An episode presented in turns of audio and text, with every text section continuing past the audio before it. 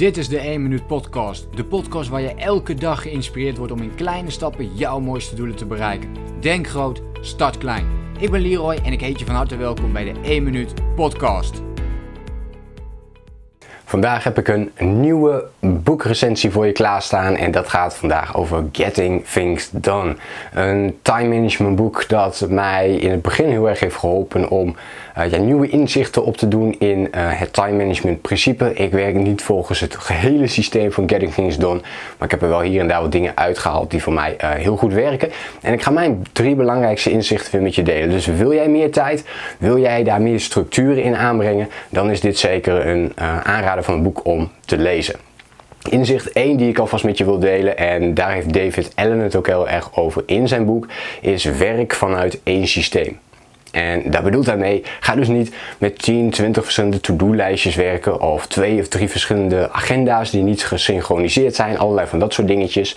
Ga niet werken met digitaal en papier bijvoorbeeld, maar maak echt een één systeem waarop jij wilt gaan werken. En ik zie dit zelf ook nog heel vaak gebeuren als ik mensen coach, dat er toch veel verschillende to-do-lijstjes zijn, veel verschillende dingen zijn om, uh, om dingen in op te slaan. En pak dus één ding om alles in op te slaan, zodat je daar een systeem in aanbrengt en daar niet meer over hoeft na te denken. En dus niet allerlei dingen, uh, ja, dat het gewoon heel lang duurt voordat je bijvoorbeeld bepaald, uh, een bepaald bestandje hebt opgezocht.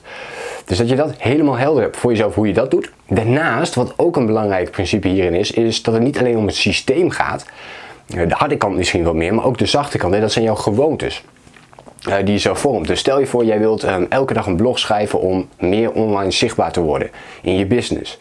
Um, dan wil je dat ook structureel gaan toepassen, maar daar wil je een gewoonte van maken. Dus je zou het liefste op een vast moment continu dat ene artikel gaan schrijven. En ook hier zegt David Allen over, nou zorg er nu voor dat je voor jezelf een paar belangrijke gewoontes creëert die je voor jezelf kunt volhouden. Het kan uh, natuurlijk ook zijn bijvoorbeeld dat je drie keer per week wilt gaan sporten en dat je daar een gewoonte van wilt ontwikkelen. Um, ook dat kun je dan op vaste momenten gaan pinnen. Nou, elke maandag, woensdag en vrijdagavond ga ik bijvoorbeeld naar de sportschool. Ik noem maar even een voorbeeld. En zo kun je dat met meerdere dingen doen. En waar het om gaat is dat je dan één gewoonte tegelijkertijd gaat uh, creëren. Dit is een tip die ik uh, geef los van dit boek trouwens. Maar dit heeft voor mij heel erg geholpen om niet meteen dat hele systeem te gaan toepassen. En alles wat ik nu met je ga delen, om niet alles direct te gaan toepassen, nee, gewoon met één ding te beginnen. Dus wil je drie keer in de week sporten, ga dat dan eerst maar eens de komende drie maanden bijvoorbeeld doen. En leg daar de nadruk op dat je in ieder geval dat doet. Ga daar net zo lang mee door totdat het echt een gewoonte is geworden. En ga dan door naar het volgende. Dan kost het je veel minder energie. En op de lange termijn levert je dat dus ook veel meer op. De, tweede inzicht wat ik met je wil delen gaat over het onderhouden van het systeem. Want het is natuurlijk leuk om een bepaald systeem te hebben. Ook wat betreft de gewoontes, maar ook wat betreft jouw, uh, jouw systeem bijvoorbeeld vanuit de computer. Jouw time management systeem, laten we het zo noemen. Um, om dat te gaan onderhouden. Dus hoe pak je dat nou eigenlijk aan? Nou, en David Allen, en ik ben daar ook een groot voorstander van. Dit is een van de grootste um, uh, eye-openers die ik ook heb meegenomen vanuit dit boek. En dat is het wekelijks onderhoud. Nou, ik noem dit zelf hè, de kompastijden die je voor jezelf inplant. Uh, de wekelijkse planning. En je kunt het ook wel de wekelijkse winnaar noemen. Want je wint echt door dit structureel bij te houden. Dus David Allen zegt ook van pak één keer per week een moment. Bijvoorbeeld één uur afhankelijk van hoeveel tijd je daarvoor nodig hebt. Ik pak vaak ook één uur de tijd om te kijken van hey, wat heb ik nou de afgelopen week gedaan, wat ga ik de komende week doen, wat staat er in mijn planning en om op dat moment ook je planning te gaan vullen. En dat betekent niet dat je hele dagen hoeft te gaan vullen, mogen ook halve dagen zijn, maar in ieder geval jouw belangrijkste taken, dat je die alvast in je agenda zet en dat je die blokt voor jezelf. Zodat je weet van oké, alle belangrijke dingen staan er nu in. Ik weet dat ik die moet gaan doen. En aan het einde van de week weet je dus ook dat je dan die belangrijke dingen voor jezelf hebt uitgevoerd. Um, iets anders wat je erbij kunt doen is bijvoorbeeld ook de facturen die je wilt gaan verwerken. Om dat bijvoorbeeld ook in, in dat uur te doen. Of misschien maak je er dan twee uur van voor jezelf. Maar om dus wekelijks een moment te pakken om de dingen die jij wilt onderhouden per week, om die ook op dat moment te gaan doen. Privé kun je dit ook meenemen. Dus je kunt ook losse momenten pakken om bijvoorbeeld te zeggen van nou, ik ga uh, dan, uh, dan en dan bijvoorbeeld schoonmaken. Ook dat zou misschien op wekelijkse basis, nou, dat wil je misschien wat vaker doen. Maar ook die momenten kun je dan gaan, uh, gaan inplannen. En ook daar, geldt voor, ga het onderhouden. Dus zorg ervoor dat het één moment is waarop je dat continu blijft doen. Anders versonst het uh, heel snel, laat ik het zo zeggen. En inzicht 3 die ik met je wil delen. De laatste is dus niet werken vanuit het één systeem, dat is één onderhouden van het systeem, dat is twee. En de derde is iets wat je juist niet wilt doen en dat is het niet nakomen van het systeem.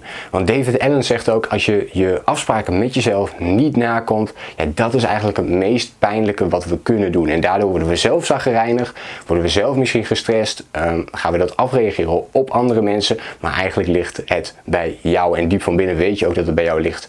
Dus maak je de afspraak bijvoorbeeld met jezelf om drie keer per week te gaan sporten, maar doe je dat niet, ja, dan, dan gaat dat knagen. En als je dat ook hebt met nog weer andere onderdelen, dat je bijvoorbeeld niet elke avond meer uh, een, een, biertje wilt drinken, maar je doet dat nog wel, ja, dan gaat dat ook weer knagen. En als je dus dat aantal de hele tijd laat oplopen, ja, dan zul je dus gaan merken dat je je veel minder fijn voelt. En dan wordt het ook lastiger om een time management systeem te gaan uh, onthouden voor jezelf en om dat te gaan toepassen.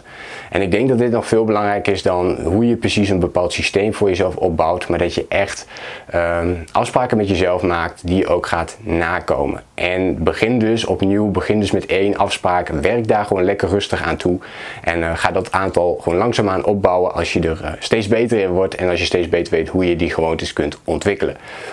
Meer over het ontwikkelen van die gewoontes kun je ook vinden in andere video's. Dus uh, bekijk dan vooral eventjes mijn hele bibliotheek aan video's op uh, YouTube. Ik hoop dat je iets hebt aan deze drie inzichten. Um, heb jij dit boek ook al gelezen? Of heb jij een bepaald time management systeem wat voor jou heel goed werkt? Of een bepaalde tip? Laat hem even weten in de reactie. Wil je nu meer tips en inzichten op het gebied van persoonlijke ontwikkeling of het runnen van jouw online business? Vergeet je dan ook niet te abonneren op mijn YouTube kanaal voor meer video's. En dan hoop ik je natuurlijk de volgende keer weer te zien. Denk groot, start klein. Bedankt voor het luisteren. Geloof jij net als ik dat je in kleine stappen jouw mooiste doelen kunt bereiken? Abonneer je dan op mijn podcast voor meer dagelijkse tips en inspiratie. Laat me weten wat je van de podcast vond, deel de inspiratie en geef het door.